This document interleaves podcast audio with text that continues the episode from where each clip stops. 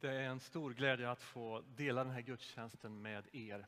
Jag heter Andreas och jag bor på Hönö och jag är inspiratör för Open Doors på västkusten kan man säga, Västsverige. Så jag är runt i kyrkor och även folkhögskolor och bibelskolor och berättar om hur situationen är för våra förföljda syskon över världen, hur det ser ut och vad Open Doors gör och hur vi kan vara delaktiga och det gör skillnad också vad vi gör, inte minst genom bön, våran förbön.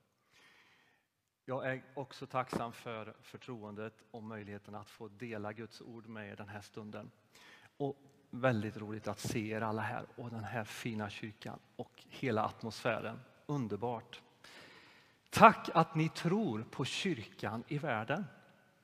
Även den förföljda.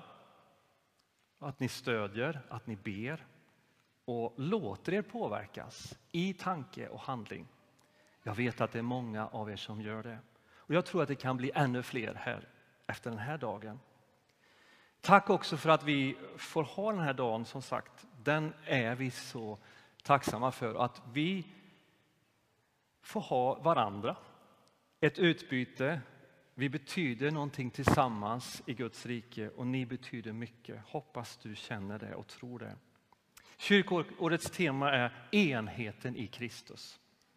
Enhet kan göra mycket med oss och våra förutsättningar. Tänk bara skillnaden mellan att vara ensam eller att vara två. Det här kan vi uppleva i en parrelation. Vilken skillnad det är. Oj, nu är vi två. Vi kan hjälpas åt med så mycket. Vi kan göra så mycket mer. Visst, relationer kostar och kräver något av oss, men vi skapar mer. När man är överens om ett mål så kan det leda till stora saker. Men vilket är målet? Och varför strävar man mot just det målet? Vi läser i Första Mosebok 11 om hur människorna fick en idé att bygga ett stort torn i Babel.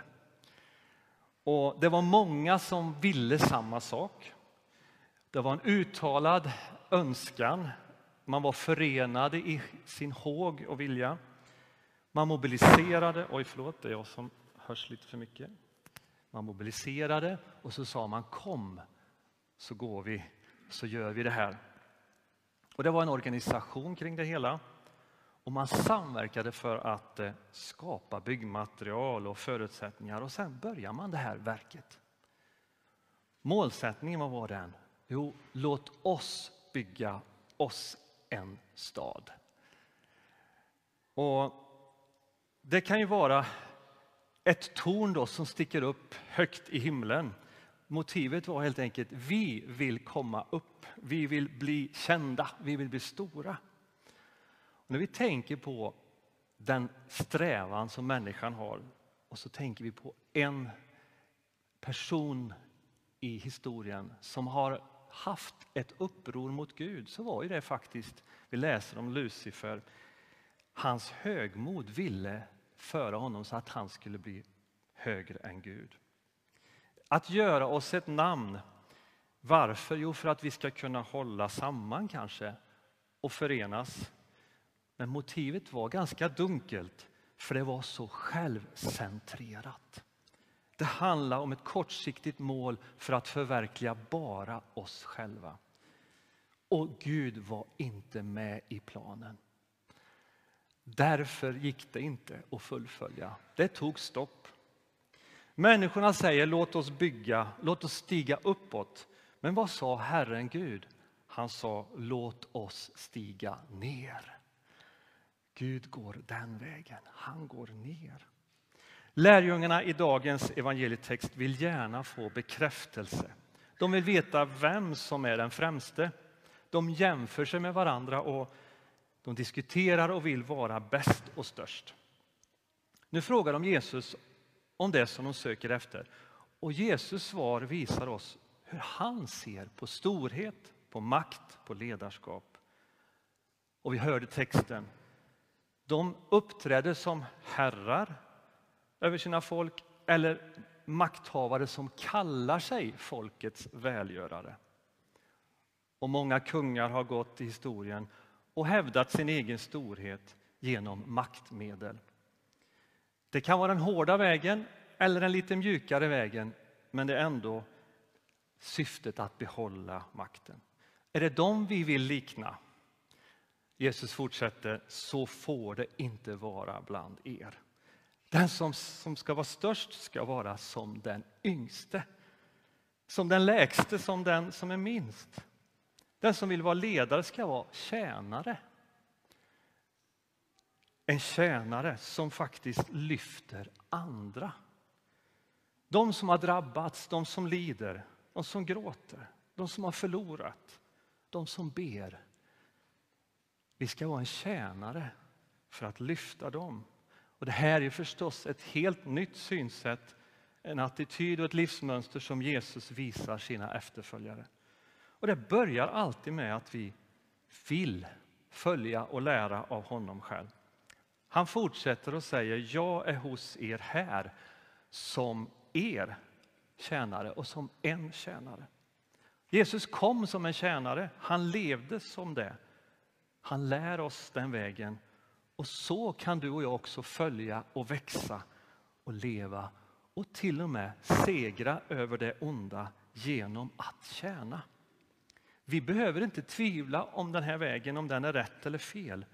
För Jesus har själv gått den. Han har undervisat och han har levt den vägen. Ända upp till korset på Golgata kulle. Han gav sitt liv för oss alla. Han är vägen.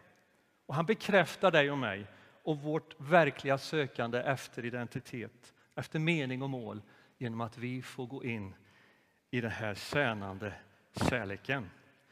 Enheten i Kristus, vad gör den med oss? Vad gör den med våra förföljda syskon i tron? En kvinna från Nigeria som heter Charity berättar för oss om ett trauma som hon upplevde efter en attack mot hennes by Goyaka. Det var den militanta islamistiska extrema gruppen Boko Haram som förstörde i stort sett allt och de dödade många människor. Och det här var några år sedan. Hon måste fly för sitt liv mitt i natten och hon åtskildes från sina tre barn. De var spårlöst försvunna. När andra familjer efter några dagar började återförenas så hade ingen sett hennes barn. Efter en vecka av hopplöst förtvivlat letande så hör hon plötsligt sin son ropa hennes namn. Och det var en sån glädje att återses och förenas. Men hela familjen behövde ju traumavård för den chock de hade upplevt. Allt våld de hade mött och själens skador. Och de fick hjälp av Open Doors samarbetspartner med undervisning och träning. Och det här ledde till att de kunde förlåta sina fiender, släppa ilskan och kunna hjälpa andra som, ut, som brottas med samma trauma. Hon säger så här, undervisningen som ni gav oss har verkligen hjälpt oss att stå enade. Nu kan jag föra vidare det jag lärt mig till andra i samma situation. Traumautbildningen har gett oss hopp om livet och framtiden. Hur kunde de förföljda kristna bli än mer enade fast de hade upplevt så stora förluster och skada? De var alla drabbade på olika sätt och behov av nåd och hjälp. Och deras totala beroende av Gud, varandras och andras stöd gjorde vägarna raka för Guds kärlek.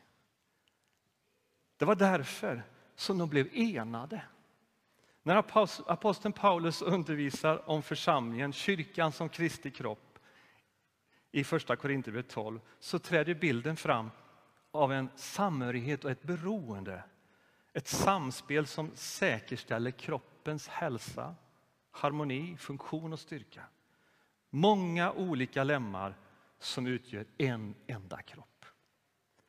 Det finns ju inte utrymme för högmod eller självförakt heller. Att man varken ser ner på andra eller på sig själv.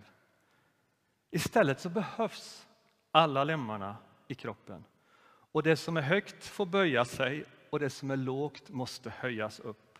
Och den här ömsesidiga omsorgen framlockas av att vi tillhör Kristus och vi är beroende av honom. Hans ande och vi är också beroende av varandra som lemmar i hans kropp. Skapade vi förutbestämda till för varandra. I hans kropp på jorden så finns svaghetens och sårbarhetens nödvändighet för att kroppen ska fungera och hålla samman. Vi klarar oss inte utan varken Gud eller varann. Och vi har det tydliga uttrycket för kärleken. Se hur de älskar varandra, säger Bibeln. De svaga kanske behöver extra omsorg och resurser, men de är nödvändiga, nödvändiga för att kärleken ska visa sig i sin kraft. Så vi har ett behov av varandra. Den första av Andens frukter är kärlek. Kärlek och omsorg om den som är drabbad och är svag och utsatt, det skapar enhet. Jesus säger om ni har kärlek till varandra ska alla förstå att ni är mina lärjungar. Det här är ett annorlunda liv och det utmanar oss och det uppmuntrar oss också. Missa inte att efter lunchen under seminariet kunna välja ett av de här två vi har kan du få mer information och inspiration från den förföljda kyrkan över världen. Deras tro och kamp och vad Open Doors gör och hur det berör oss, vad vi kan göra. Jag vill också avsluta med att berätta om det som hände i Egypten år 2014 när IS triumferande kablade ut över internet, på Youtube och andra kanaler hur de systematiskt avrättade 20 unga egyptiska kristna gästarbetare i Libyen. Många i världen höll andan över det här meningslösa hatet mot Kristus egentligen, för det är ytterst honom det handlar om. Men den breda kristenheten i Egypten stod eniga. De var beredda att ge ett svar. Och efter bara några minuter så kablades kyrkans budskap ut över världen. Vi förlåter dem för Kristi skull. Och kärleken fick segra i mångas hjärtan istället för att löna ont med ont och våld. Och Det här var ett val under smärta, men med trons, hoppets och kärlekens övertygelse genom Kristus. Han har segrat och vi segrar genom hans blod som utgavs för världens synder. Vad gör detta budskap med oss? Att vi älskar till och med våra fiender. Förlåter dem. Ja, kanske det börjar med att be för dem. Så kan vi få kärlek som Brother Andrew säger, Open Doors grundare. Och så kan vi förlåta dem. Och så kan vi bli vänner. Och så kan vi nå fram till dem som kanske vi är rädda för till och med. I Filipperbrevet så läste vi om den unga första församlingen i Europa som får ett brev av en människa som sitter i fängelse för sin tro. Om ni har det här, om ni har trösten, om ni har kärleken, om ni har gemenskapen, låt det då visa sig i eran ömsesidiga kärlek, att ni är ett i själ och sinne. Det visar sig, om en kroppsdel lider, så lider alla de andra delarna med den. Kan det vara vår bön och längtan som kristna i Mölndal idag? Att vi får vara den kroppen för våran samtid. Jag blev så glad när jag hörde om vad ni hade för planer den här veckan. Vilka bra saker! Diakoni rakt ut på gallerian. Bön, bön och, och diakoni som går hand i hand ut till människorna. Gud välsigne er. Vi ber en kort bön. Herre, du ser oss just nu. Vi ber, låt våra hjärtan brinna av din kärlek. Vi behöver mer av den och vi ber Herre, lär oss och visa oss din väg så vi kan tjäna dig och varandra och möta nöden i ditt namn. Amen.